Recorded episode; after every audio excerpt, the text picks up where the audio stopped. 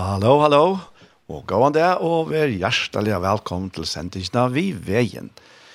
Vestre det er Daniel Adol Jakobsen. Og jeg sitter her i havn, og i studiet Kjei. Og jeg har Tor Erna Samuelsen som hjelper meg vidt i tekniska. Selv om han ikke alltid er her av stenen som er her, så er han, så er han nærværende. Det er som, som jeg vil sånn øren. Men teknikken er det, han er så helt annet standant til det. Han er her fyrre tøymann, så får jeg spille tonleik, og så får jeg esten at lese og holde i bøyblene. Og, og i det så får jeg esten at spille noen sanger i samband med det som får jeg holde i om, og til å være om uh, Guds nøye, og her i midten eisen får jeg at lese sinter om John Newton. Men den sette tøymann, så er det så hjertemål, og som er av og det er en sending vi Paul ferie som Iktos har tidlig opp, til å si vi Paul ferie og meg selv om. Så fer jeg holdt vi, hva skal jeg kalle dette, prosjektet kommer, som omfatter Trudja Sanger, hver den første er fra Nudjar Tui, men han gruper inn og i tvær ærer eldre Sanger, og så fer jeg eisen at lese. Jeg fer lese uh, en frasøkning om John Newton, som her ikke han ene sangen, og så får jeg eisen å lese hula, ja. Så her, er, her blir så prosjektet, og til være vi sangen noen, til Watermark, HMI. Musikk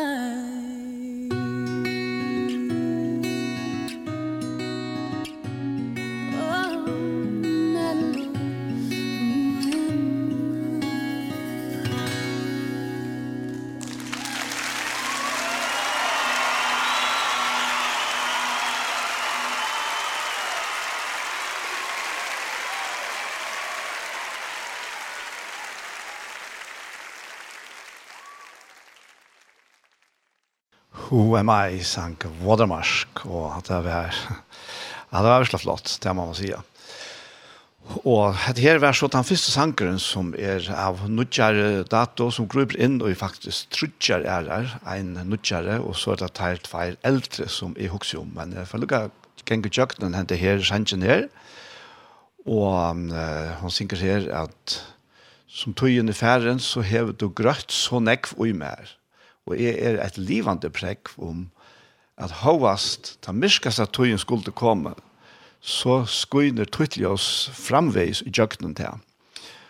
Og, og hovast er kanskje ikke alltid lyser så, så øyla bjerst at skudgen av vetsjen ikke er så større, så er jeg takksom for at tøyts ljøs hele tiden skuiner av meg.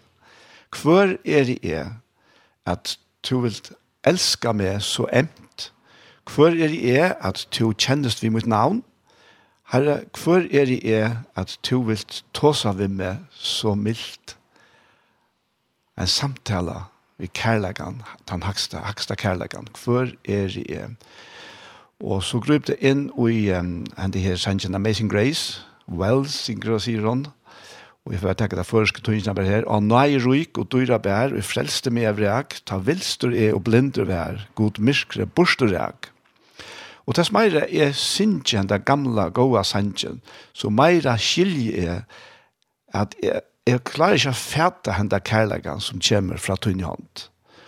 Og så kommer det inn og den neste uh, uh, gamla sanjen, grace, grace, God's grace, Og han er eisne tøyte til først, og til av først er han nøye, nøye, nøye med fryan og reinanger, nøye, nøye, nøye og i større enn sindmunner. Og så kommer en tre sanger her eisne som ikke får komme inn, og han nu. Men uh, vi færre at uh, høyre hendene her sanger uh, Grace Grader. Grace Grader og det er Norton Hall Band som synger.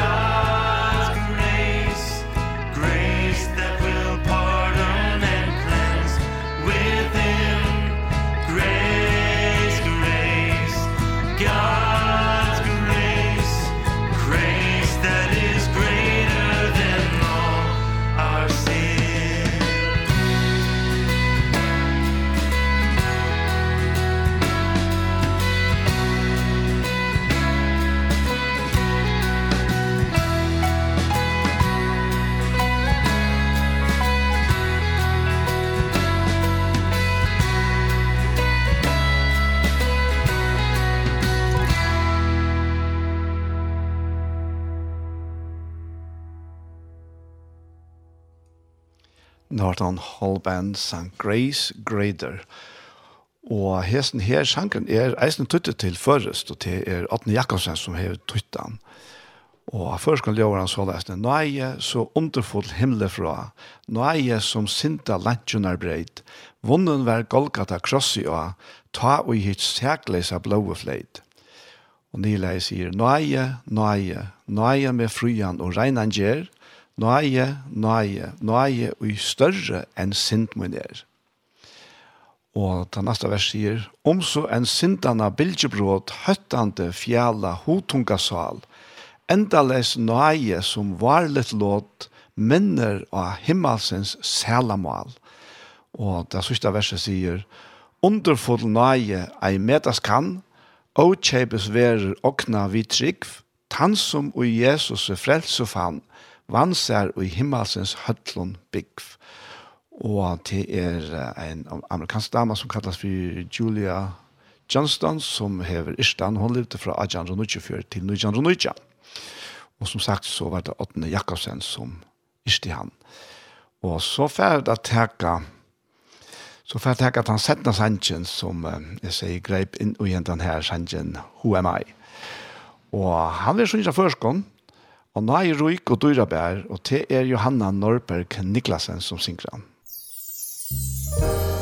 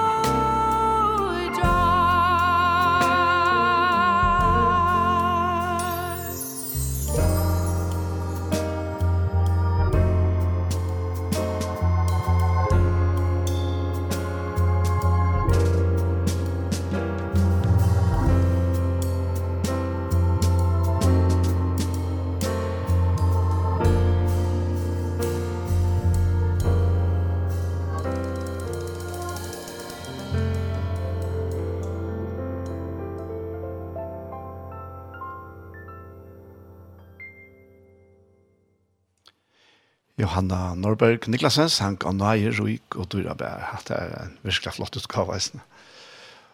Og til Sjekar Sjekariasen som er tuttan, og John Newton som levde fra 1625 til 1826, hever ist. Og nå får jeg lese et bråd som Helge Hansen hever tutt ur enskon. Tui av nøye er det frelst vi trygg og ta ikkje av tikkun sjolvun. Ta er gava gods, ikkje av verskon, fyrir at ønsken skal råsa seg og til Efsos brev 2, 8-9. Og en og lytlun leie og en kyrkjegar i Olne i Anglande stender en steiner ur granitte, og er hese år rist og jan. John Newton, prester, eina for Guds avnoktar og flytantjare, trela handlar i Afrika, av ryk og nøy i herra og frelsar okkara Jesu Krist, spartor, endreføtter, noavor og kattlaur til a prædika årer om trunna, han lenge hei gjørst alt fire at øyeledja. Hetta velvalda ettermæle skriva av John Newton Sjolvon, beint åren han døye, lyser skjer av beinrætje et avhandlet og ahuavers loiv til en manne som gjørtes ein hins største evangelister i 18. øld. Mamma John Newton var godrødgjeng kvinna, men hon døye åren John hei fyllt tjei år. Papen giftest oppater John får heimanifra og Jack nøkker år i skola. Han gavst av kjøtt i skolan og får til kjøss ved kipen hon tja pappasunnen. Einans etlu er gammal. Og her blir jeg loiv hans her som sjåmauer.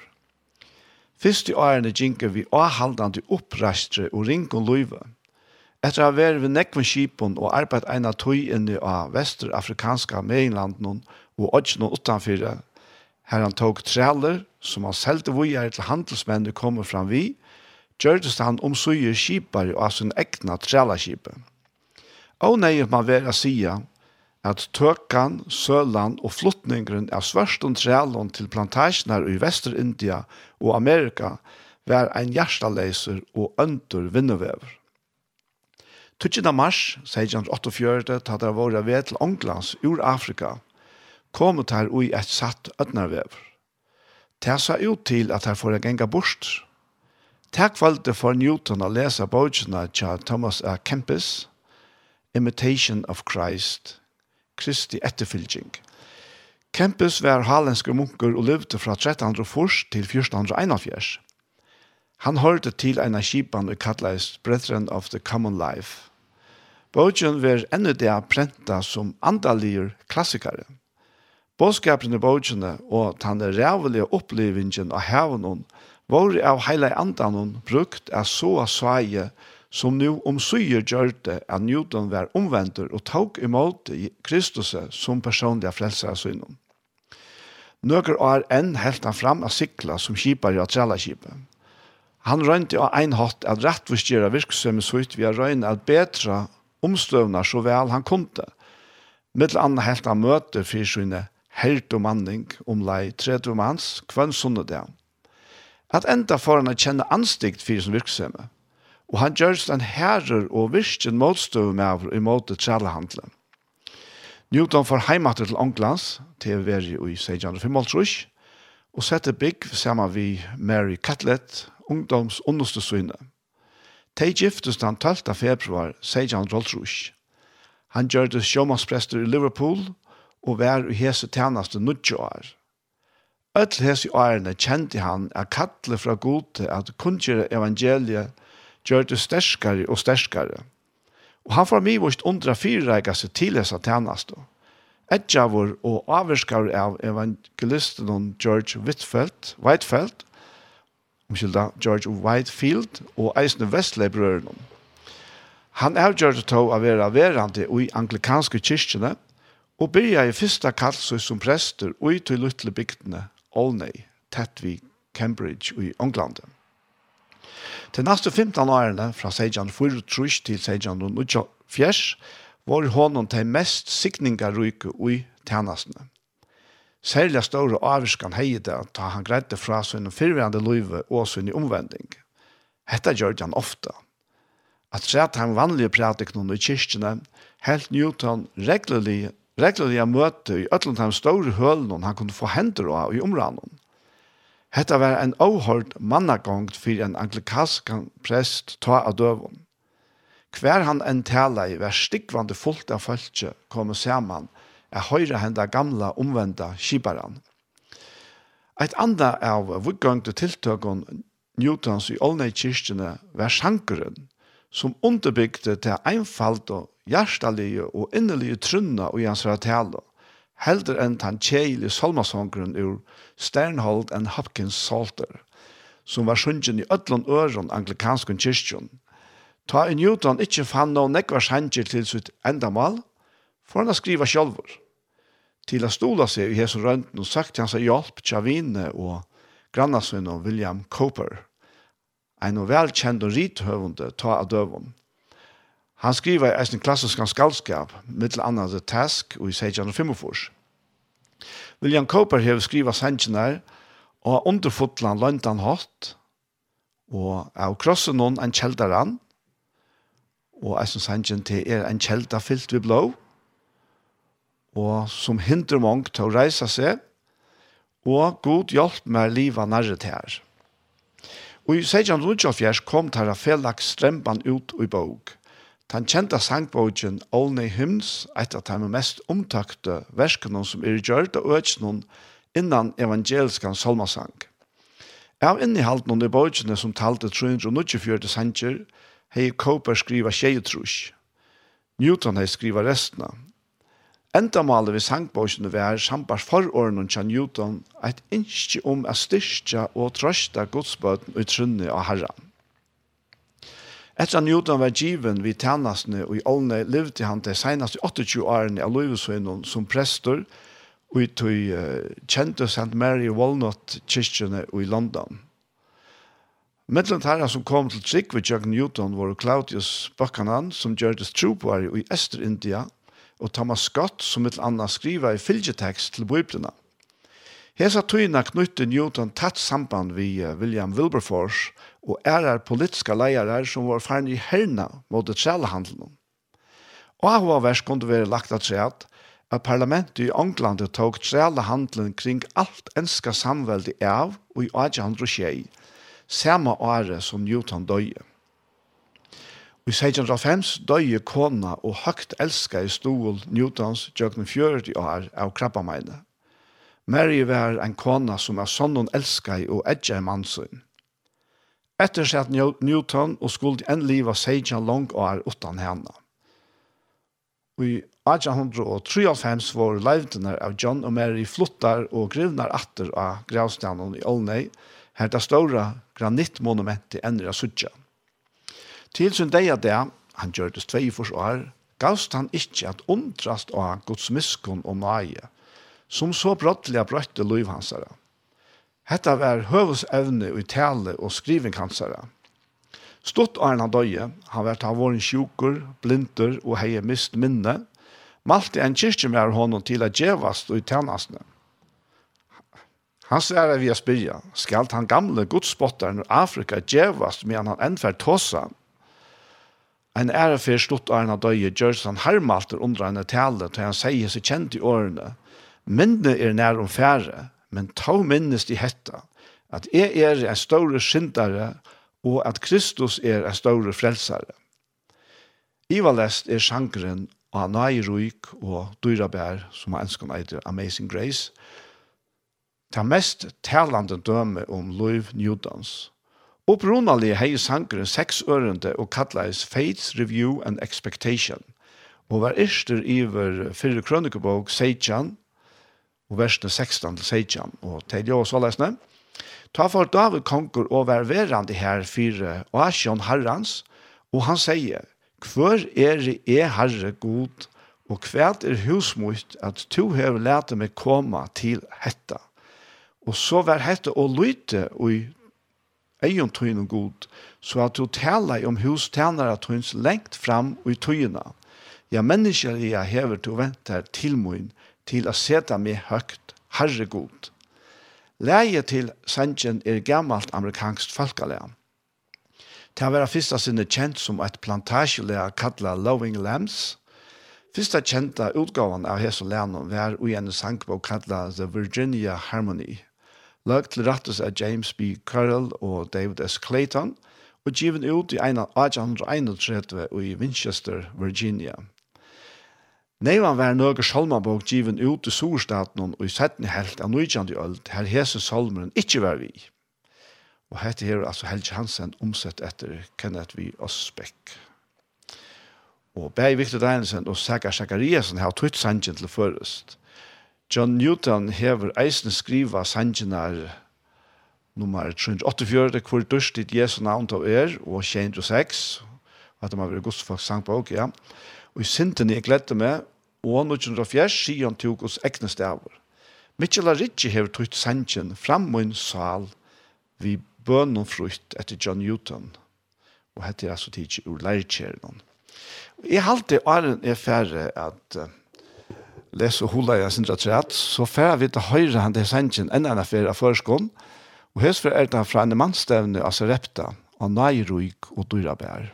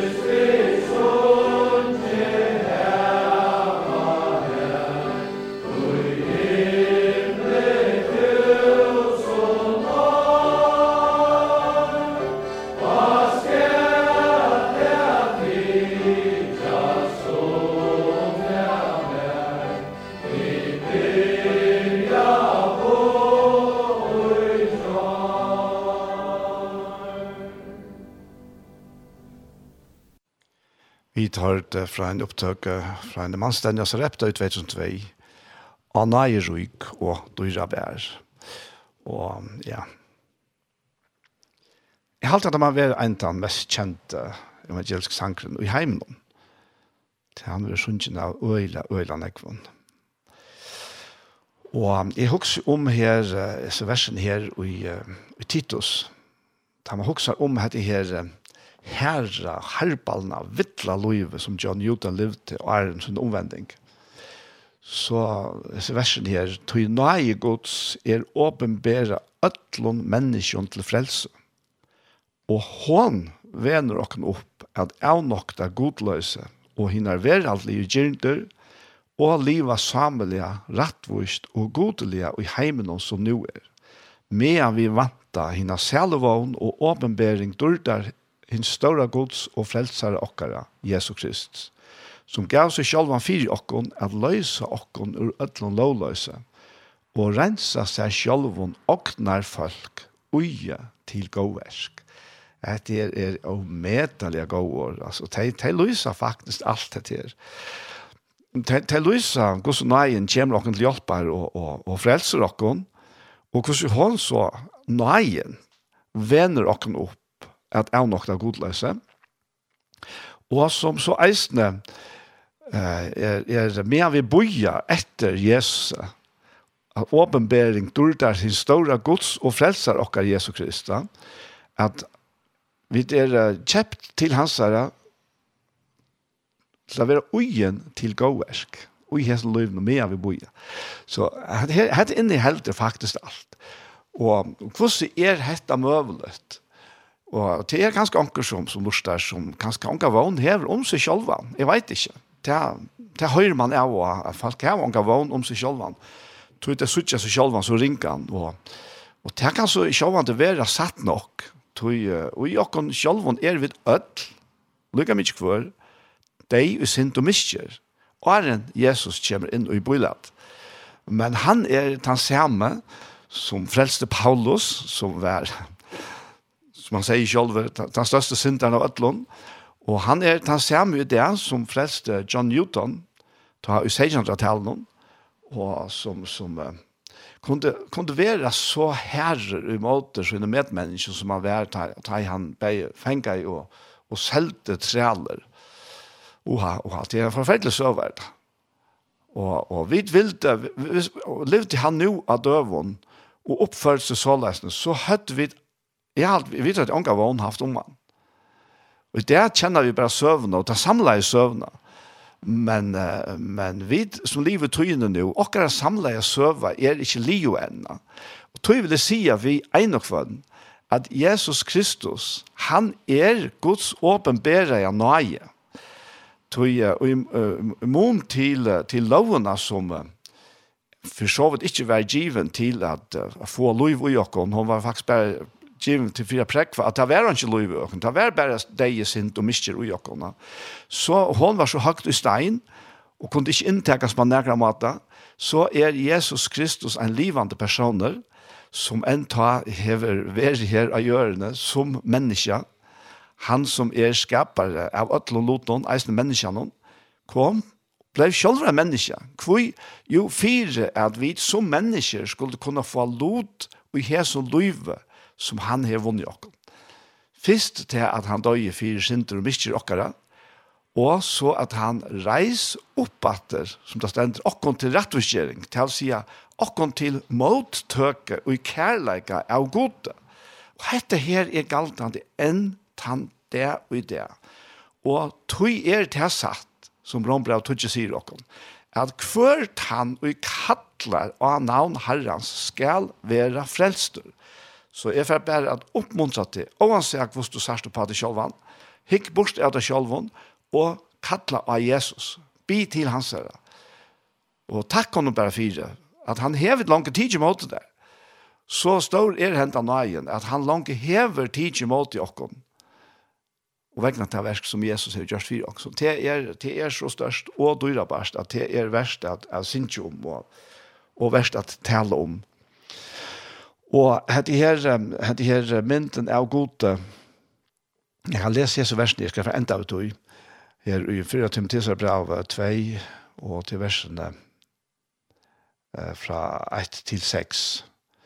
Og her stendte først, at jeg anmenner nå først av ødlån, at bønder akkattlene, forbønner, takkar gjerne ved hyllnar for ødlån menneskjon.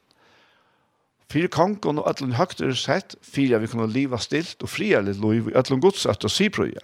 Så sier han her, Hetta er gode frelsar okkara gott og tetjelit.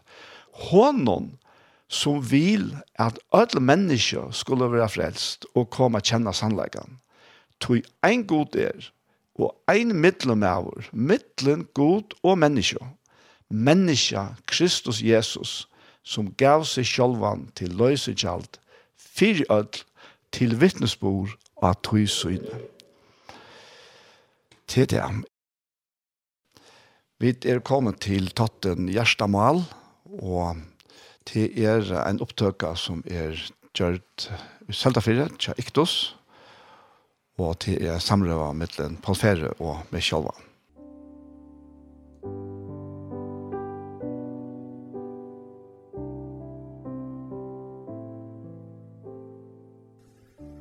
Hei tid! Så var det atter her vi en parste av Gjerstamal. Nå er det så løsende at jeg sier i seneste sending at vi får halda fram i Rom kapittel 14. Men jeg får bare lese noen uh, få vers her. Nå begynner vi. Så vi vet hava ära atlander i det, og jeg får spyrja Paul om han har lyst til å løte i herren har lagt, og han er hjärsta i det. Men jeg får bare teka ui seg versen her i Rombrand kapittel 14, her som det stender i vers 16, kanskje lukka få at trajen ui det som det tås om senast, at lete ta ikkje goa tikkara ved at spott, tui, sier han, og hette er et liklår, tui rujtjegods er ikkje at eta og drekka, altså til å sija oppførsela, som så leisne, ja. Nei, det er, altså rydgjegos er, det er rattvise, frigjør og glede og i hele andan. Og så sier han hvor han som og i tog tjener Kristus, taknas gode og er menneskjon domliger. Og så kommer han alltid til at her, hvordan ut av færre etvik for en øron, Læti okkon tui stevna etter tui som er til fri og til oppbygging hvers annars. Og hatt jeg færre kanskje teka at ui at en er men nu får jeg sige hei Paul og ja. velkommen til Gjerstamal. Ja, takk for det. Hva har herren lagt at ut Gjerst i dag? Ja, og det som uh, viken er færre, så er det så imme som um, vidtjar, Og vi hatt en vitjan av en mann som er nok snakk opp til vi samkomnar og i oppberingen 2 og 3. Og hørte han tala, og da kom han inn og til at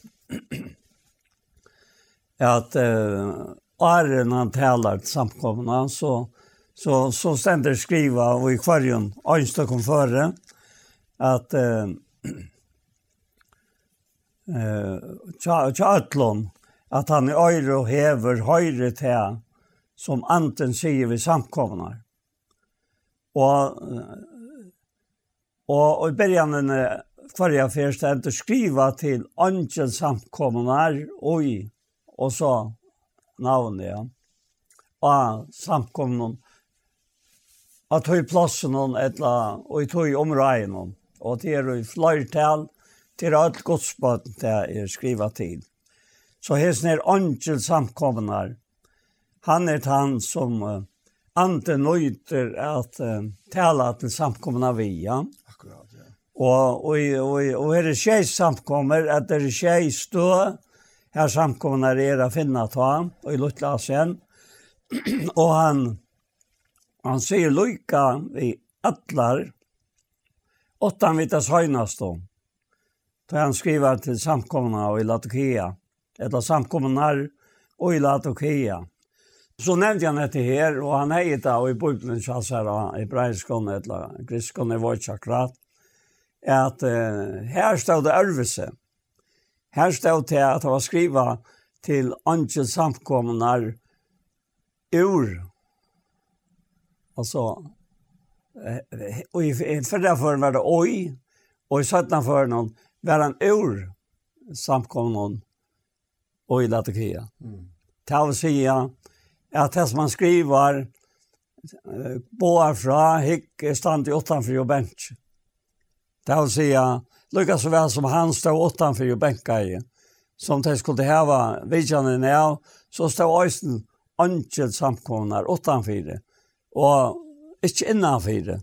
Tog att höra lustforsla eller att höra illvilje var så stor at at Angelen var färd ut alltså inte ikke ut ur tøymon, men ut ur samkomnen alltså han han fikk ikke fri att viska i samkomnen och det talar ju som ett størst til moin eh akkurat det her som han sier, och fikk meg huxa om hur så gott det är att vi er oj gott samkomna och och hun fär så avmätligen ägve vøker navn i skriften som som sagt era kjært barn har mange navn ja. Akkurat. og jeg finner anka anka samkomma eller anke godsbad som samlas sammen om Herren som ikke, som ikke har jo lov til å gjøre noe her, og navn. Mm.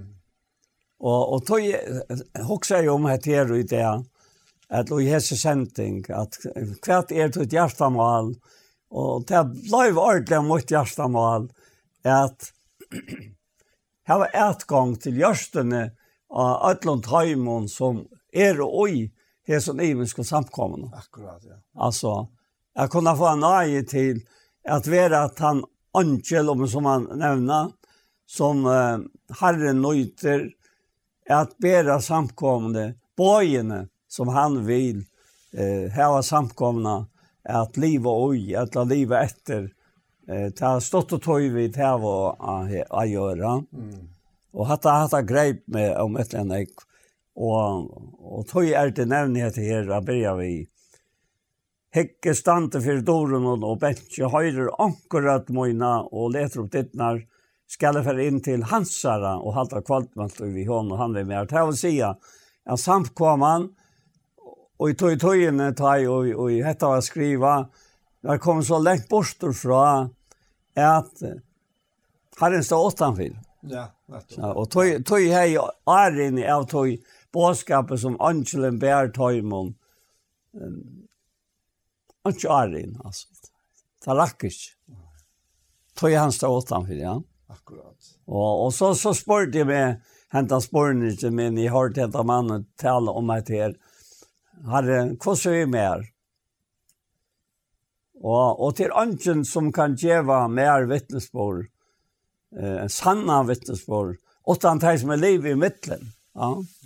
Og hvis Herren ikke gjør mer vittnesbord, så kunne de helt ikke gjøre mer enn god vittnesbord om, om mitt liv og mine tjenest og, og så framveg. Nå nevner jeg mitt, men det tog jeg at, at det er liv mot er ikke langt mot egna eh det er oi Kristus, ja. Og det er anten som eh, er mot loiv. Så vi er ikke og i halten, noen vi er oi antan. Akkurat, ja. ja. Det er som er voksa jo. Og det er også en samband ved rombravet, tror jeg. Eh, og i rombravet og tjei, da sørger vi et ekkelig klara mynd av hvordan det er firihelse vi okkara halte, og vi andanon. Toi han sier i vers 2 og i kapitel 6, at uh, hin gifta kvinnan er jo i lovene bondet til mannsøyn så langt som han lever, men da er med over den, er hun løst fra lovene, vi, vi får ikke mannen noen. Og så sier han i fjorda verset, så løs brøver møyner, døg i østene tid fra lovene, vi lika med Kristus her. Altså, at dette er så intimt at det kan ikke være bedre, ja til at tid skulle høyra enn øron til, hånden og risen er opp fra hin og deg, så vidt kunne bæra gode avvokst. Og så fer han inn og jeg frakrøya om hvordan det er, hvordan løy vi er og i halten om. Tog han sier vers 5, tog med han, tog med han vid vår og i halten om virka av henne sintige lister og i vakter vår i lauene, så leser limen okkara, vi bør og deg han og avvokst. Men nu er vi lost fra lovene, vi til at vi er deg fra tog, som fyrr helt okkom fenka, og at vi tjena nudja hatt andans og ikkje ikka av gamle hatt bøkstafsins. Hva skulle vi ta sia? Er loven sint? Minni enn så. Men jeg kjente ikkje sintene åttan vi lovene. Jeg hei ikkje kjent gjerne om loven ikkje sier to måste ikkje gärnas. Sinten slapp nu fram ät och viskar vi boven allsins gärnde mer, tog åttan lov är sinten dei. Jag levde ju av åttan lov, men ta i boje kom var sinten livande att. Og i døye, og boje som giver var mer til lov, var mer til deia, tog sinten slapp fram ät, da er jeg med vi boven, og drep med vitt tog. Så er ta loven heila, og boje er heilagt, rattvist og godt. Och så för han var og och så lägg så som han tar fram mm. som tog ganska vaktar för det nu och sitter och lustar. Hvis jeg kjenner det rett. ja, det er han. Det er sånn her atvendige spørningene, ja. mittelen det naturlige og til, til nødja mennesker. Ja. Og, og, og loven, hun kopler jo på til gamle mennesker. Ja. Og til gamle forutsetningene. Ja. Og, og til her, og, og vi um, kunne stranda, Nettopp. Om vi ikke suttja månen og atoi, ja. Ja. Og jeg vet at det er ekla nekk tryggvandre, særlig kanskje nutje trunne, ja. som ble så illa klakka seg sjálvun, ta og i akkurst de gamla vaknare, tog at jeg halte at, ta, ta, ja, men, er jeg nutje skapninger, og nå er jeg ikke ned til, da. Men, men vi er altså ikke kommet til himmelsen. vi er enn her, og vi er enn ui her som likhavnene. Men, som jeg har nevnt før, eisne, det er hver løskraft er det som slipper å drive okkara likhavna. Er det det gamla, løsk, det gamla, man kan si, tenkteloven, som alltid hala nye, ja. og som bare kan opphevast vi en nødgjærlov som er sterskere enn tenktelovene. Ja Og hatt det her kjenner vi ikke sjående eisene fra til dømes flåfersene, til at, uh, at vi, vi er jo bonden av hjørnet her, det er for oss kors igjen, så til. Ja. Det er ikke mange gav hundre år siden at, at mennesker første og før altså, kom opp fra hjørnet, Og det var ikke i egnar kraft, det var i kraften av en flåfer, ja. Og det er øyne jeg hent sujane ta, Men det er för ser vi pura pura uh, naturligt att vi flickvar lammarskar. Ja? ja. Men det kör ikke vit som flickvar. Nej. Vit færa ui er flåfær som hever krafterna ja. till att upphäva tingdelåna. Ja. Så läs at vi vara lite oppfra. Och så lest fungerar det faktisk eisne bare nek, nek mera sterskare Vi ser nutje low antansa. Ja. Och low lustens antas man kallar det här i nästa kapitel allt det att det var det nästa kapitel om det där. Ja, passar ja. Och till detta så dreier sig om va. Och och och akka akka naturliga människa. Det blev vi över naturligt. Det blev inte even naturligt då. Men vi eier hette her nødja løyve ui okkon. Ja. Vi Kristus, ja. Og til tog han eisen i, i, i, i Korintbraun og tåsar om å være halsliger, ja. eller halsliger, eller andaliger, ja. Og, og her nevner han så altså, imiske tingen her som, som, som ei mestja til naturlige mennesker. Og, og det er, ja, jeg kan lukka, lukka for, for jeg siterer, det er ikke rettere enn hva du, eh, han, han sier her, han sier vitt der, jeg kan lese bare første verset her i 4 Korint kapittel 3, og jeg brøver fikk ikke tale vidt tikkene som vi andalig, men bare som vi holdelig. Här sitter jag så, han sätter munnar upp här, som vi nyföringar och i Kristus. Mjölk gav er tikkun at drekka, mat gav er tikkun ikkje, tog ta tolde tid ikkje enn. Ja, tid tåla det ikkje nu helder, tui, og det er andre kontanter her, han sida vi er sier korint, og vi kan også tega det hver enkelt til okken sjálva, tui tid er jo holdelig enn. Og så sier kvui, og her kommer Lukas med en sånn liste opp, eller man kan sija en, en ja, nærmest en fasittlist, ja. Han sier tui, ta i øvund og treta er tikkara middelen, er det til ta ikkje holdlig, og bæra til tikkun er at som menneskje er det vån. Og så fer han og atter larri inne på at det er han mener vi, ja. Så han sier, ta i en sier, er Paul samhauer, en annar, er Paul samhauer.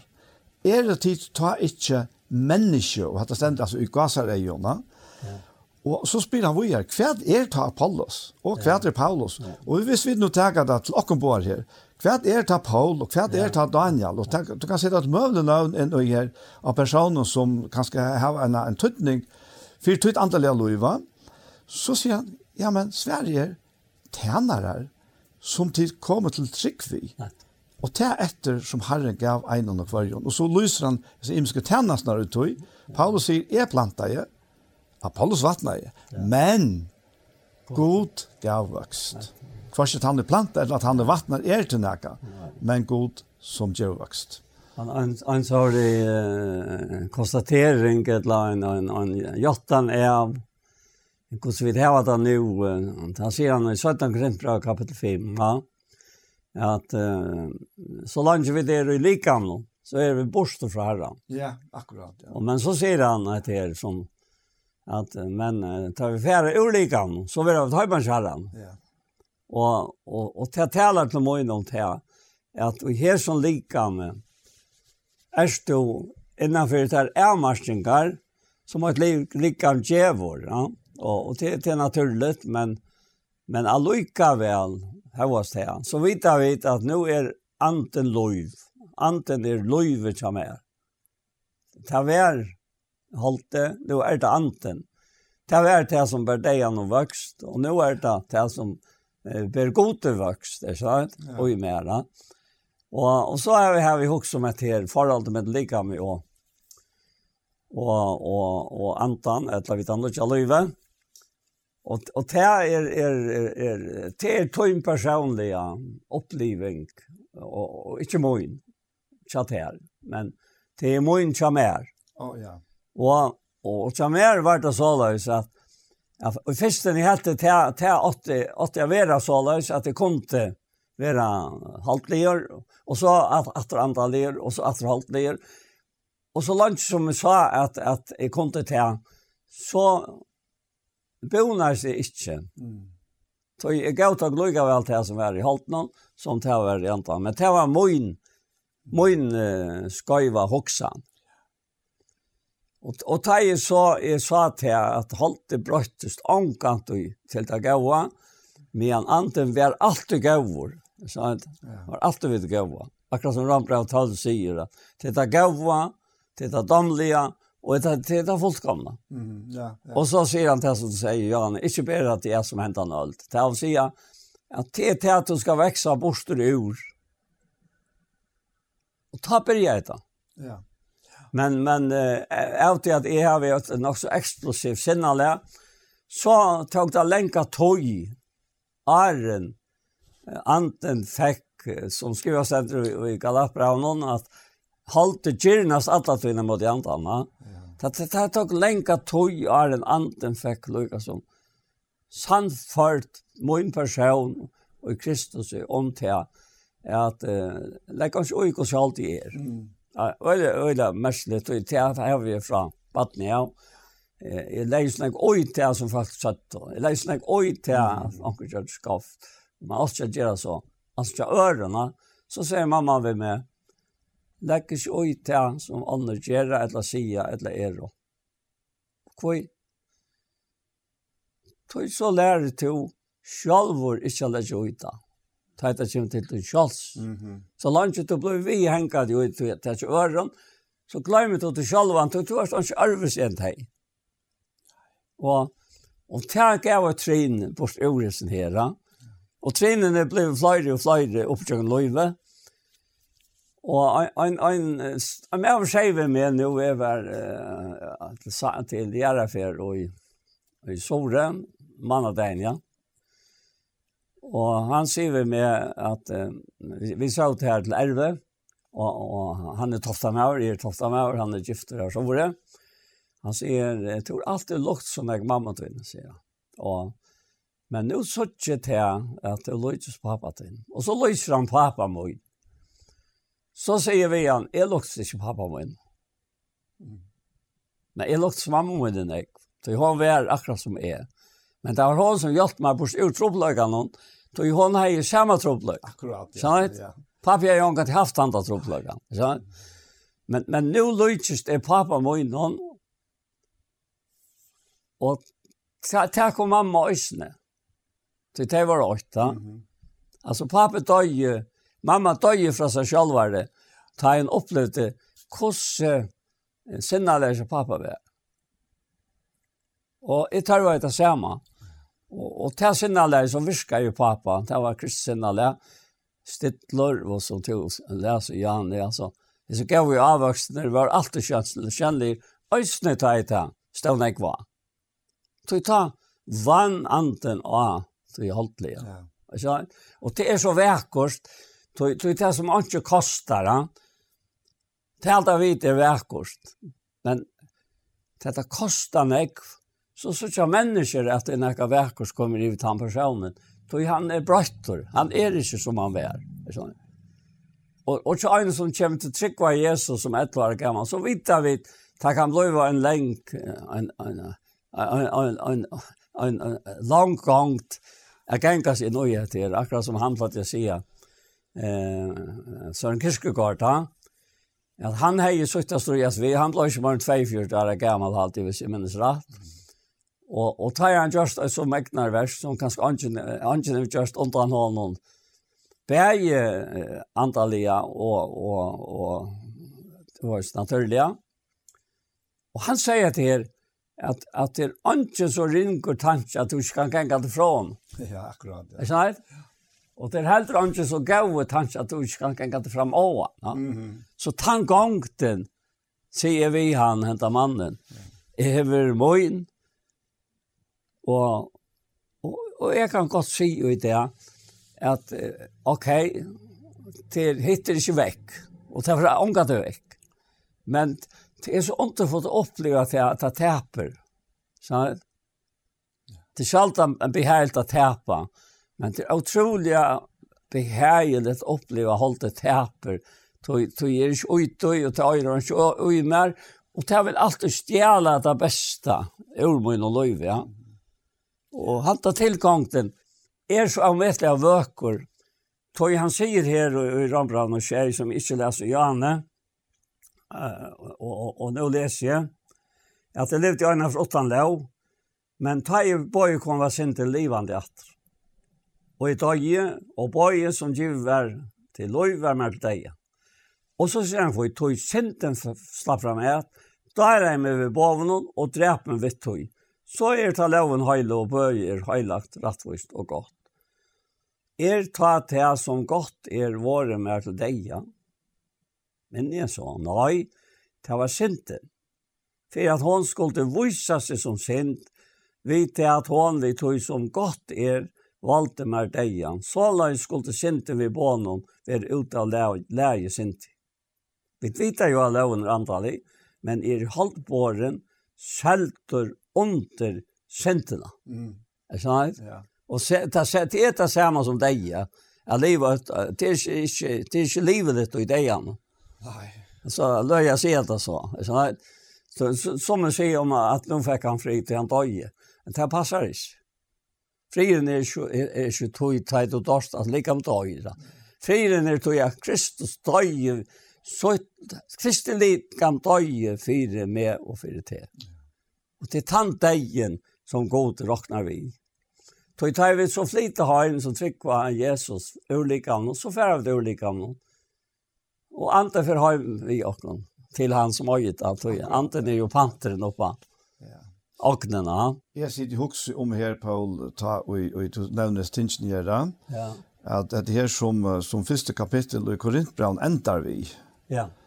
Her som han, han sier her at... Uh, det är här uh, han säger han säger vers 30 vi här men av honom är det tid och i Kristus Kristi Jesus som är vår och visdom från gode rättvisa heilagjering och enterlösning. Yeah. Och också om jag ser trist uh, trinen i här. Ja. Det första och det sista det är något som händer och är knappt. Ja. Og som, som ønsken er åkken for så her avskan nå. Nei, enderfødt, ja. Som så løsne. Ja, og så? Så vi var enderfødt, og det er et vers som er ene for for atler. Og, og så han det her enderløsningen ta og i akkurat akkurat ja. lik kan være enderløst, som han sier, som det sørste. Ja. Men her i midtelen, her er denne prosessen, ja. gjengen. Akkurat. Ja. Og her, med vi livet, så er vi midt i to i prosessene. og det kan godt være at det året heila og gjering gløver som det tungt i åren, ja, nekvån, ja, ja. men det er en valsigna prosess. Ja. Tui, tui, vi vera meira og meira lost fra okkur sjálvuna, ja. og i disse prosessene. Uh, vi vet at det vi er fullkommen, og i Kristus, ja. ja. Og vi vera fullkommen, og i hånden, ta i vi er fern, og likam som du nevnte, Johan. Ja Og i prosessene som er nå, hele gjensprosessen, ja, så vera vi gjørt honom meira og meira loika, og ja, på en eller annen måte så må jeg så si at her er vi vi virkande. Okkara loter ligger ikke etter her som så lesen, ja. Her er det lukket som han innskjer, jeg uh, vet ikke om man kan si samstarv i okkom, men han innskjer at vi skulle være vi i prosessen, ja. Og, og hvordan er vi i disse prosessene? Jo, det er bare i trygg. Ja. Det er bare i allit av ham. Nei. Det er ikke i strøye og streve å røyne og sette seg noen mal fire som man kanskje teper fer at han har fere. Og, og, men, men så kommer så en til henne som Paul er inne i, som man begynner i det. Ja. Han, han sier her uh, i Kjei, Ja. Jeg kan godt tenke det første verset i eisen her. Et la vite at jeg ikke prøver. Jeg taler jo til slik som kjenner lovene. Ja. Er loven ræver i menneskene så lenge som til lever. Ja, til mennesker. Ja. Og så sier han vi at den gifta kvinnan er jo ved lovene bonde til mannsøyn så lenge som han lever. Ja. ja. Men dør med avren ja. er det løst fra lovene vi ja. vidjande mannen. Ja. ja så sier Tossan om at her, han skal tura kalla hårkvinna, og hun med med avren lever, gjever øremann og sier, men da er med avren, er hun fri fra lovene. Så hun er ikke hårkvinna om hun gjever øremann og sier. Men nå koppar hetta å, ja. så han sier, så la sprøver munner døye eisne tid ja. fra lovene. Ja. Vi lika med Kristus her. Fyra vi skal høyre en øren til. Hånden og er risen opp fra henne og deg, så vi kunne bære god til avvokst. Og dette er nok så kjølsom mynden kommer fram vi her. Fyrst kommer en mynd her som vi skiljer øyla vel, at da er andre parten og innan tjonabande, ja, ja. så er den etterlivande parten fruer, ja. fullkomna fruer. Ja? Ja. Men i hese prosessen som vi er i nå, ja, så er det vid deg, men til en tar vi deg, Jesus her, vid er deg, ja. fra lovene som har krav på oss. Alla tøyna krav på kon ja. og som virkar på tannmatan, at fyrir kvørst einasta bo og, og, og loven presentera fyrir okkon, så veker til ta anda sintia ui okkon oppa, Og hvordan blir det frifrest ned? Det er det som Rambra og Kjei kommer så medelig godt inn. Ja, akkurat. Ja, ja, ja. Og jo, hemmeligheten er eisen her degen. Så, så jeg vet ikke om man kan si at vi er livende deg, eller deg livande. jeg minnes, jeg minnes det her, da jeg lærte jeg mal i havn, og så, så maler vi apotek, det gamle. Det var så rævlig jeg ringte for at folk kalte seg fra en vi, ja. Mm. Ikke, ikke det at jeg vil kleve noe, men det prøver jeg, så. Ja, ja. Det var oljemaling, og... Og ta plan jeg tatt den ikke så kjørt. Og så mer skilte vi sett om. Flere prøver var nästa vi, men Man sa at det gick fram vi och sen. Og så for, og så så visst det kost det skulle gå i handen. Og jeg stod mange ganger og sant. Ja. Ja, ja, men själva så det är til. Ja. Vi vill ju inte lov å si, du måtte ikke, ja, så bra du där. Ja. Så det skal provas. Men motsatt. Så lærte jeg ta at dette vi hela og över hela år ta sier en, en person som, som er veldig avviring for at de andre løsene, det er det samme som å være tøker herren. Mm. Altså, gjør så vel, her er det. Akkurat. Så skal jeg bruke mer. og det er løst opp for deg. Ja. Jeg sa at jeg var tøker herren. Det er alltid så vekkert. Ja. Utrolig vekkert. Og ta tunga til kvarve på skjort. Ja, er sa det. Ja, altså. Det er, det er, alltså allt som vilja leva godliga och sanliga snämme. De vilja vara törkarran och de det gör det. Ja. Men här så tanken här Paul. Ja. Han kjenner noe fantastisk vi kan. Kan det passe? Kan jeg virkelig bli brukt av herren? Ja, det er med, med satt i tanken. Ja. ja. Tøy at det stender her i enden av han kjente kapitlet, at ja, han fer inn at det gjør noe det som jeg ikke vil, gjør vi jo lovene til han at han er god så er det ikke längre jeg som gjør det, men synden som øy meg bor. Mm. Er så det? Ja. Så han skiler i midten syndene som øy och kom bor og tog i vajte med i halte mig någon bor inte gott, vill han hävje, men jeg gjør det gav är inte mättre. Alltså är det inte mättre att göra det gav. Jeg minns da en en maver sier vi med at du var så gavur. Jeg sier akkurat lika gavur som du. Nei, han var ikke gavur. Da sender i bibeln at at anke gott på det i mer. Jeg sier, ta passage, da sender ikke på Bibelen, sier jeg. Da sender ikke på Bibelen. Hukt jo på meg, så sier det vi han. Rombrevet skjei og Arsan sier, tog jeg vøyt at du mer, tankastrika, og i halte møyden. På det anke gott. Er stod ikke en trygg vann, jo. Jeg sier, så løyer du. Så løyer om andans løy og i at det her bor ikke godt, tøy du er ikke langere i halten noen, to erst i antan. Du må ikke likva. Og, og han, han, han ble så glad for, om det stod så alle, sier han. Han er alltid blitt seg inn til frøstingene var her. Altså. Ja, ja, som jeg gjør det til jeg var yngre. Ja, ja, at det, at det, at det har det til, altså. Det har det slik til. Og, og så det skulle det hette virka inn at han personen, ja tog jeg veit at jeg mer, og jeg halte møyen og bor ikke godt. Hvordan jeg vers etter, det er ikke godt. Det er ikke godt og i halte noen. Viljan har vi, altså i halte noen, men at gjør et gøy er jeg ikke møtt, et gøy som jeg ikke vil. Og hatt det til som i alle tøyene har vi hangt med og i så igjen. Jeg vil det omkant tøy, men jeg var nødt til å gøy til hva det var, Och inte att jag finne på skjort. Og, og, och till som vi nå tar vi här, kvart oss erst, av Guds nöje, erst var en som tror det er Jesus, så øyet og lov til Jesus, som vi bærer der nå. Et gaua som jeg vil gjøre ikke, et ytla som jeg ikke vil gjøre, gjør noe det som jeg ikke vil, så er det ikke langer jeg som gjør det.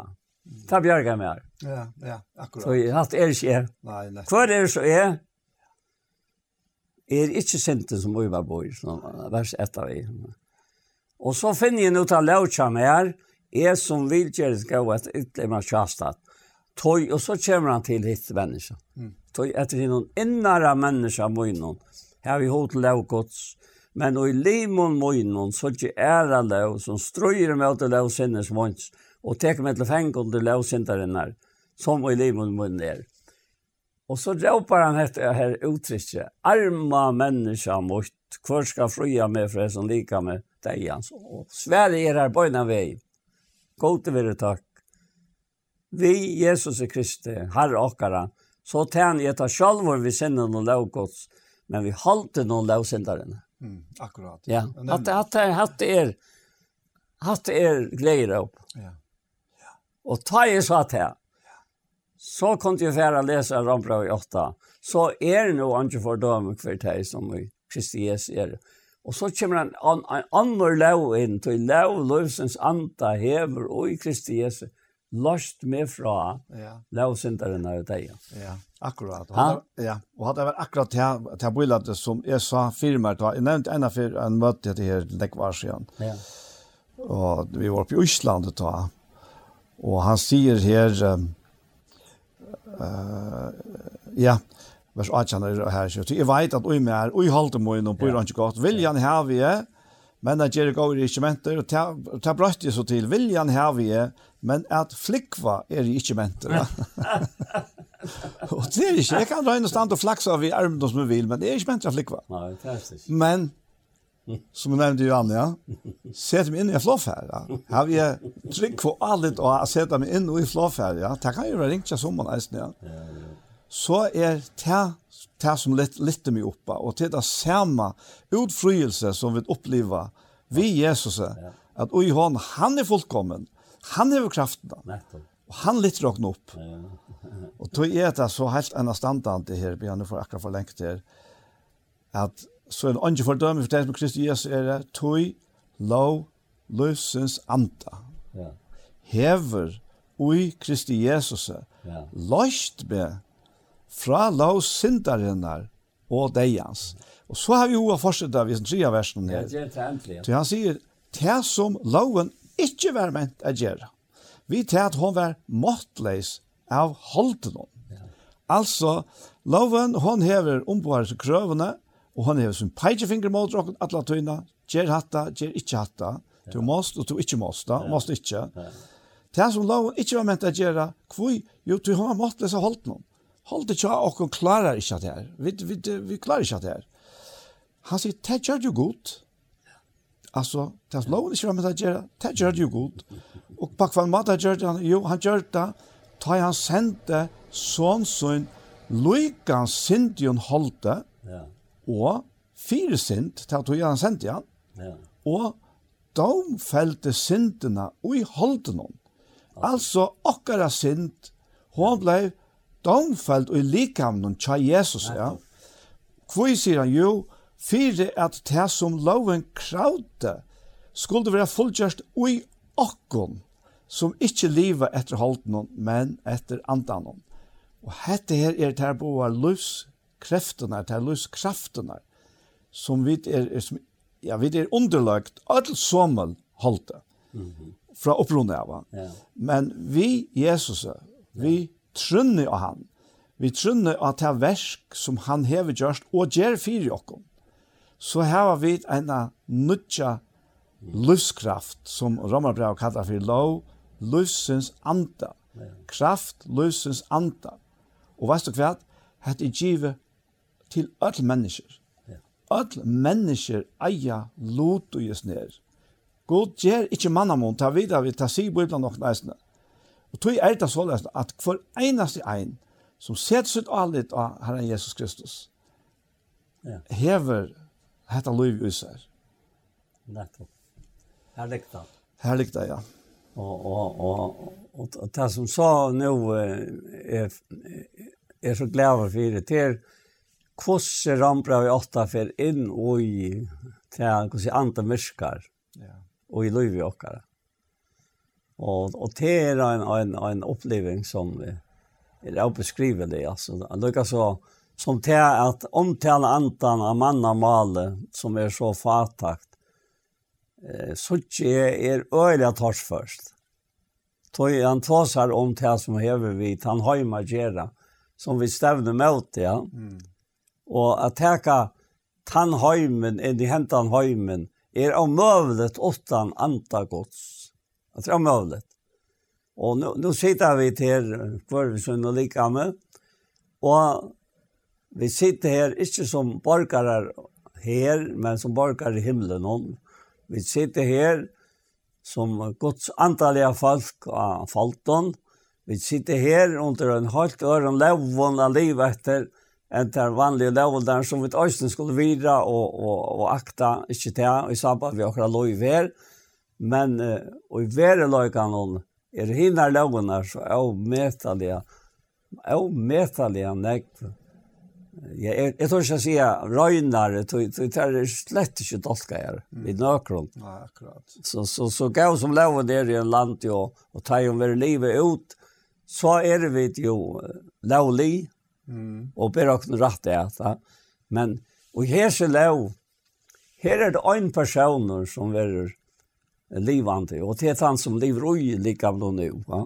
Akkurat. Og ta forklaringen som han hever her, og ta han sier til, og jeg får ikke enda i til som halte er og gjør mer, men til nødvendig verser og i Rambran 8, Tau tid er og ikke uihalt no menn i antanon, så satt som ante gods bøyr i tikkon, og tanne ikkje hever anta Kristus har hun ikke til. Er no Kristus oi tikkon, så er vårt likame dekt, det, det er sinten, at hos som det gamla likame, det er hans likam som, som var krossfest ved Kristus, ja, men, men anten er lov, det er ikke rettvis. Bøyr no ante hansara som røste opp Jesus fra en deg og oi så skal han som røste opp Kristus fra en og deg og gjøre øsene deilige likene tikkere, livende vi andas øynene som oi tykkom bøyl. Og så slutter han av at vi holdt. Så standa vi ta brøver ikke i skuld til halte, så vi skulle leva etter halte noen, til leva vi etter halte noen, skulle vi dodja, men om vi vi andan og deia gjerne likamsins, skulle vi leva. Ja. Og nu mener han leva her. Han liv og opprøsner løy jeg gjør. Sånn. At det er til helt enn standard. Ja, at det er fantastisk at det er verset, at det er etlende verst, ja. At det her er virkelig et landamal, ja. ja. Tøy, han sier at bor nu anti-hansara som reiste opp Jesus fra henne og deg i utikko, ja. så skal han som reiste opp Kristus fra henne og deg, ja. gjøre eisne deilig likam tikkare livande vi anda synen som utgång bor. Ja. Og nå tåser han ikke om det her dårlig likan som ena for kommer. Nei, nei. Nå tåser han om detta här likan. detta likan som er dejligt, altså ja. bare på en annan til, Det for først jo vi er noen, og vi tøyene. Ja. Men, men det er ikke bare det han mener vi her. Det er faktisk slett det han mener vi är. Ja. Han, han vil ha sagt at det er uljøsen og at alle tøy som Tusen vill sagt åren. Nettopp. Ja. At etter holdt noen, og, og så er vi deg Ja. I for gode, men eisen deg og i synd og miskje, vi kunne ikke anna enn synda. For jeg sier det på den måten, Anna. Men og i øtles nere, som han har forklaret oss nere i Jøknen, bei kjenta kapittel, og nu åttende kapittel, ja. åttende kapittel, så hendte det at ante gods, ante hins livande gods, ante Kristus er, ante som han gav færen i henter, ja. ta i han gav opp andan av krossen og som feiren gav honom, ja. og kvitt som det er at det er djeva okkom. Hesen anden er så en løskraft at hon fær okkara hon, hon fær okkara likam til at bruka, ja. til at gjera hansara gåverska. Og det er jo så bare så fantastiskt. Ja til at, at uh, altså, hitja vi bæra stær og blind på og sjølve som mennesker og och det som människa kan och häver ja men så må vi bare sorg vi sorg ryste på att sier nej är er, jo ikke altså det är dår ikke passar men passar men Jesus Kristus han døye av krossen om, for at bære alt det her borster fra okkar holde, ja. og gjøre okkar sin anda i stedet for ja. Og det fungerer nå, og det er en veldig kraft. Hette her er Guds kraft til frelse for kvann til han som ser sitt alit og at her, som gjør det til sitt alit, som tror av ham. Så einfalt, det fer ikke være einfaltere. Det er nok stått litt her, her man bare leser bråten, av litt, altså, inntil, det er ikke stått litt, inntil du oppdager at fragrøyningen til kvøy anten er så soverener som han er. Jeg vil si, les at her som kjøper 17 i Rombrand 8, at anten sjalvor byer for åkken i soffen i skåne sies, og så han som rannsäkar gjørst nu vajt for han andre ser, det vil jeg gå spyr han for de høyla. Han tar seg om Tasman og åkken, alt er byer for i åkken, og han øyter goden høyla anten, og så tar seg han om god sonen, Kristus som er i dårtene. Og han som rannsäkar gjørstene, sier han. Ja. Han vet hvor tråden antan sier. Ja. Og hvor det heter vilja Guds byr han fyre til den høyde. Og, og æren er sett med en øyhet som nu kommer og i Robran 8. Mm. Så, så blir det allikevel som har svøymann til Asta Høyland. At jeg blir tjokk som det. Men jeg som pastoren, som vi nå er, er i arren vi enda her, vi tog verste antans. Ja. Løtte meg inn og jeg vera ui anleik antans. Akkurat. Ui bante friarens. Og løtte meg en langkår som, som vi leser i Efterstrand 6, at hei han uh, seg om å være sterske herren, noen kraftveldesansere, færre herklærene, og så nevner han herklærene, og Och, och han ändar vi att säga här, biande och i andan. Biande. Inte bara bia, men biande, stövått. Mm. Så nu är det här klämne, här, nu är, är det stärsk i herran, alltså inte utöver självån. Nu är det biande i andan. Alltså han konstaterar det bara. Och för i alla människor. Biande för i alla, din. För i. Och så säger han, eisen for mer vi, som mer kunne være given år, ta i lete opp munnen. Mm. Altså, anten er alt og i nøytøy, alle stedene og alltid. Ta, åpna i sin næka som slett framan undan hei. hei vi, vi, vi må jo noen avmarska i fætanar evne, atla til atla mer, Og anten tog iver og sier, så lars erta bæra vi her. Og her hente nekka oi mer som anten, til anten er mot loiva. Han sier, så lars er jeg, så lars er to. Du vet det åkt. Og, og ta og Paulus og sier at her, for mer vi er med, mer skulle være givende år, ta i lete opp munnen, så er vi derve kan kunngjøre landramal evangeliums, fyrir hver skuld er sender på i lunchen, og så legger han etter at, at jeg skal tale om det som jeg øye tale. Er skjønner? Altså, helt utrolig hvordan neiver han er og uttrykker noen her. Hatt det gjør anten og jokken. Og hatt det har vi opplevd nå vi sitter her. Det er ljøsner for meg nå til å lese at det er sørste til å lese. Paul, hatt det er en vereløyt såles erst to, tog jeg av settet til å være det. Og nå, nå, nå kommer tryggven inn. Tryggven gjør at du erst det, og ikke annet. Akkurat, ja. Ikke, du gjør ikke til det. Du tror en annan personer. Nämligen. Ja. Som att det har helt en standard att att ta i han vuxter och hoppas sig till kanske nu nu tror ju för så här kanske anka att uppleva vuxten så vi kommer till alltså med självon som i det ja men så öja första färte jag också med att du är snack nej så det var det i förra kristna tror jeg, Janne att kvarste han og i plantar eller att han i vattnar er til nek. Og hur nek, er til, som man sier, at det är öliga vökor föreske malbe, malbe, føreske föreske malbe. Først sitt han, og plantar eller at han er tog nekka. Jeg var som neka mal, og i handa mat han sier det på. Jeg tykker det ikke, ja. Så vekst er det men god som gjør avvekst. Og, og, og vi er sett av bare god i avvekst. Det er det. Og i andan, altså. Så i andan øye bare året at livande gjør Kristus vi. Og det sier Jesus Arna for at dødja. Han skal teka mer kunngjera tikkum. Han skal sandføre, og så framveis. Alt, alt er ui, ui Kristus, ja.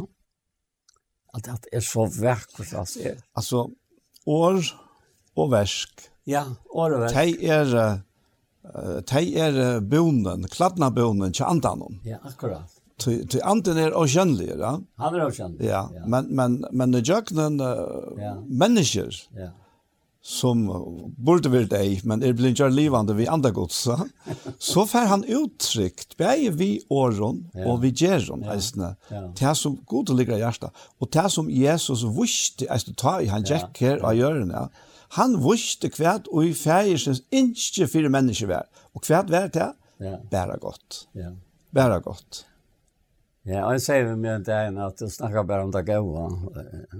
Du måtte minnes til løsene at jeg hit vi Jeg nei, nei, det var lengt enn vant. Det er ganger ikke langt, sier jeg. Så det har jo ikke vi til det gode av det ytla. Altså, det er det det, det gøyva, og det er det damlige av folkene. Og det er andres versk. Ja, men, det er ikke en samme blanding. Du, du kanst ikke blanda ljøs og mysker. Nei, det. Løyv og deia, det blir ikke til. Nettopp. Men, men så kommer han og i her som lytter bråte som vi tar etter her framme i åkken. Han sier okon i vers 15, «Til fink jo ikke tralt av santa, så til at skulle øttast. Nei, til fink og andas sånaren, såna rattarins, og i hånden råpa til appafær, anten sjalvor vittnar vi ant okkar vid dere bøttgods, og er vi bøtner vi arvingar vi, arvingar gods og samarvingar kryssar, så satt som vi loja vi hånden, for jeg vet øyne skulle være dørmet vi hånden. Og her har vi bara konstatera nu, i ettlig åren, at han fyllte vi av loja. Jeg ber god hjelpa meg, ikke affære ut til svarer lojengar da jeg berja enn jeg talte, og, og han gjør det da. Og jeg aner ikke at han lojengar var til, som nå er då, affæren, Ja. ja. Altså, det, det er så, lojengarna är då så otroliga dyrabärar, tar gjerra til han som skriver stenter, at du ikke bare tøyna vekna, ver ver brøttor men men också bara till till så ständer och i södra krimpra och åt och han säger hur så gott åter han han inte färger muskonar och han øyter god allra tröstar han som tröstar och och här brukar han vara trångt och i alla är trångt och ett lojen och så vi skulle kunna trösta dig som er i Asens stånd, vi trøstene som vi selv vil ha trøstet vi har god til. Det å si at i løyen kan jeg komme i med, så er det vi tog enda mal i at det skal være øre rundt en sikning. Og det har brøtt så atter når vi må inn og løy. Vi har hatt andasvers. Ja. Og ikke annen enn andasvers. Ja. Tøy er råkne løyengene og i tøyene som nå er ikke av tøya. Møte, dørtene skal være åpenbære av åkken. Og hver er han tantorden? Til hartal hantaldorden. At, at han ante nå vegetar fer her som du aldri drømte om, og løser tropeleikar og linar og latter om 20 åren, er det ikke helt enn standtallet. Ofte han er minnes det ikke. At han har selv. Og du var slett ikke alt. Og du var slett ikke alt. Altså, det er løyve som uh, kommer inn under det er tog nek. Første tann i det var er tog nek. Det er løyve som kommer inn, inn under hæsa treitene Det er det lattaste løyve som finnes. Mm -hmm. Det er han som driver verst. Det er han som øyer likame. Det er han som fytler det, vi så innan anta, og året, etter livand i året, og så gjør han verst jeg treet. Og også der til, ha? Så hvor skal jeg så fære råkna løyngene for i nækka? Det er rått. Skjønner? Skapningen tråder og stundar jo, stundar jo etter åpenbæren godsbad. Og nu, nu kommer han inn at det som stender for framme. Ja. Skapningen var jo lagt rundt og farfangt, ikke vi vilja så innom, men for hans raskott som leie han under henne. Og i vevn om han skapningen, vi skal være løster og talte om det for kanskje løykans til dårdar fra seg godsbaden. Og så tar seg han om skapningen. Og så får han ta som akkon. Det er ikke bare skapningen som løyer, men øyne vit, sjálf som har fromgrøver antans, øyne vit, får vi okker sjálf, og stund etter sånne retten om, enter lösning likan sockar att det till nämnt. Ja, akkurat. Nu kan jag läsa rest. Ja. Jag tänkte lycka tacka gjøre det här året her, att tid fink ju inte saltons anta. Nei. Så det atter skulle öttast. Ja. Nej, det finge anta såna rattarens. Ja. La badna rattarens. Ja. Og i hånden råpa vid Abba fæger. Ja. Og jeg er ikke for noe, nå kjær tog at jeg hukser som smadrong til å lese det her, Abba feil, jeg var øyla gammel slutt. men, men man kjenner til Abba Badje, eller akkurat så her, men det var Abba feil. Men året Abba Ja. Det er best vi omsett vi til først. Ja. Det er babba. Ja, ok. ja. Og, og jeg vet ikke om vi nevnte det her, ta en, en, en affære, jeg nevnte i øren sammenhengje. Det var kanskje øren sammenhengje her, at, at fæger, det er nok så fjerst. Ja. Det er nok så lengt fra åkken. Ok. Og så kommer året pappa. Ja det er knappt en ekv narre. Okay, ja. Men det mest eima, det er året pappa. Og det er, det har vi sagt at det er faktisk det første som som som det tar lilla nu för att barnet att ta växa till till lära bruka munnen där ba ba ba ba ba då är det ta babbara och då är det så öl och hette det hette det förhållet och färgen häver till och att det inte bara är färger till och Men att vi kunne säga, pappa, vi, god, skaparen, himmels och gärare, han som, som hever ändå lost och vi synd egna son, att vi kunne säga, pappa, vi.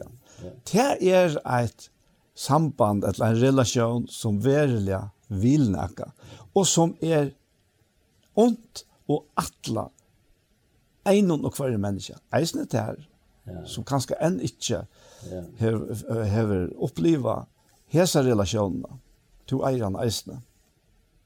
Det tar jag han så ända det som jag också säger om att det är fram så ändrar han där vi tog ju fyrtjunda versen och tog ju vävnen var vi frälst. Han säger när om vävnerna som som eh alltså med han vi stund ett såna ratten såna ratten någon ändlösning likams okkara. Ta sier han, tog ju vevn og var tilfreds. Mm. Men vevn som sast er ikke vevn. Det som han ser, hvordan kan han øyne vevna til. Så kommer dette som, som er at det enda vi. Men vevna vi til som vi ikke sutja. Så boja vi tålen etter tog. Og her kommer så hesen personen som er ui til og som tror at alt vi fram. Det, det gav meg utrolig enn jeg. Vevne er det som jeg sier. Bøye tålen etter døy. Det er ikke rent. Ja. Så han vet hvordan underfullt det er. Ja. At, at slippe hjem ved åkene. Mm. Så kommer oss til anten veiklag akkurat til hjelp. Altså, dette blir helt nytt i oss. Du fokuserer sånn jeg på at at du du åt inte vånen at du hejan inte så på plass som åt jeg vara. Ja men han vånen tills det var vi. I menar vi det som det inte sagt. Och du skal våna det som det inte ser. Og du skal läta anta beskriva det her. Hur så det er og det ger han en verskom. Han ger det vi till versan ger.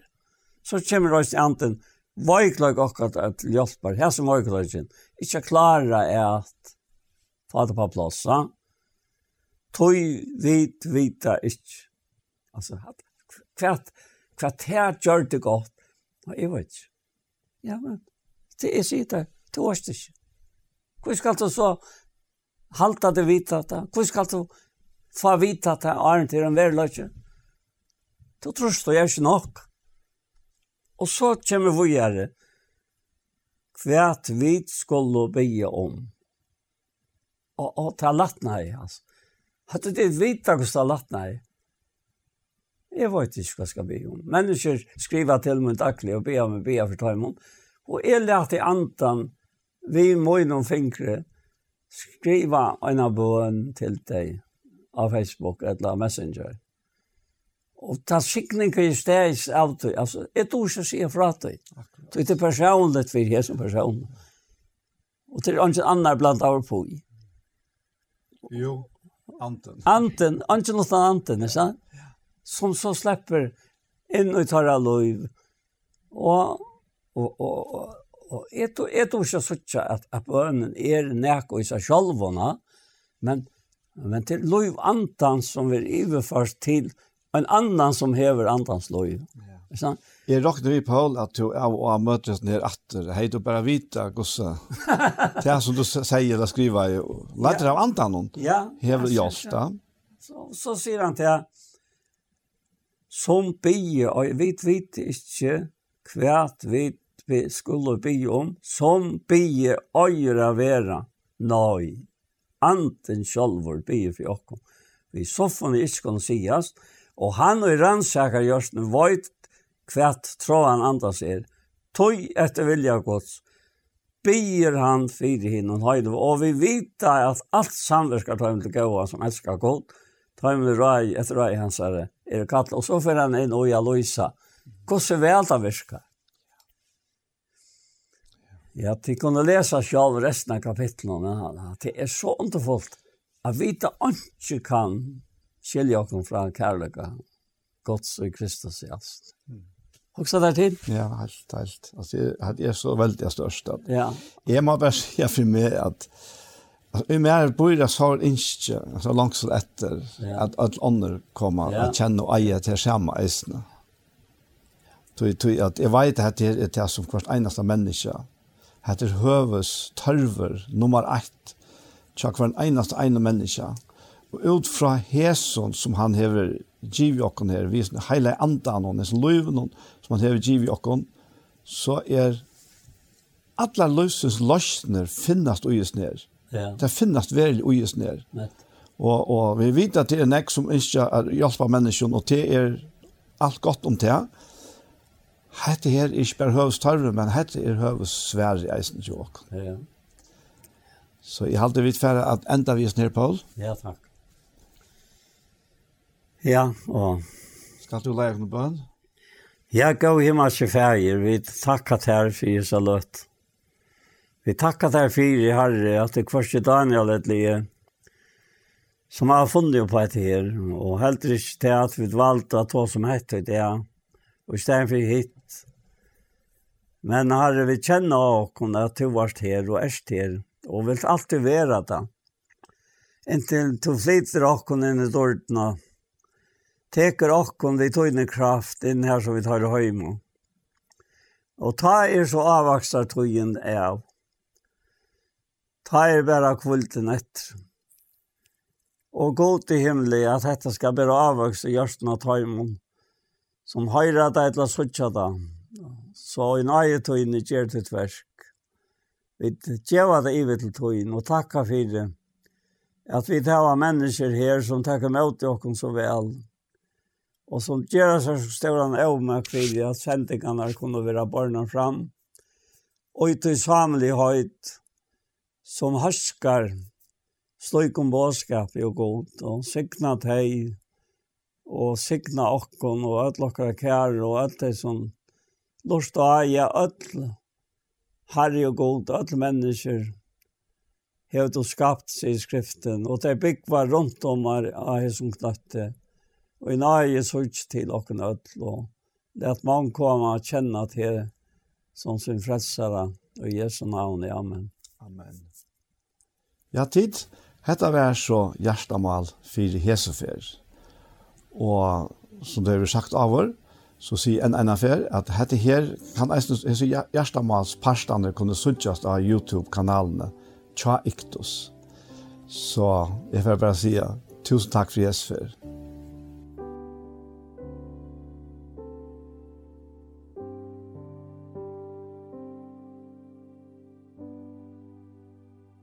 Og vi hesson så er sendingen vi veien kommer det at enda. Og vi hava i til fyrra tøymannen så har vi spalt nægge sanger og så var vi holdt vi a lese og hula. Jeg kan sin ørves i hatt i morgen. Det kallet det fyrir et prosjekt som innehelt bei Trudja sanger og eisen opplester og så eisen hula engar.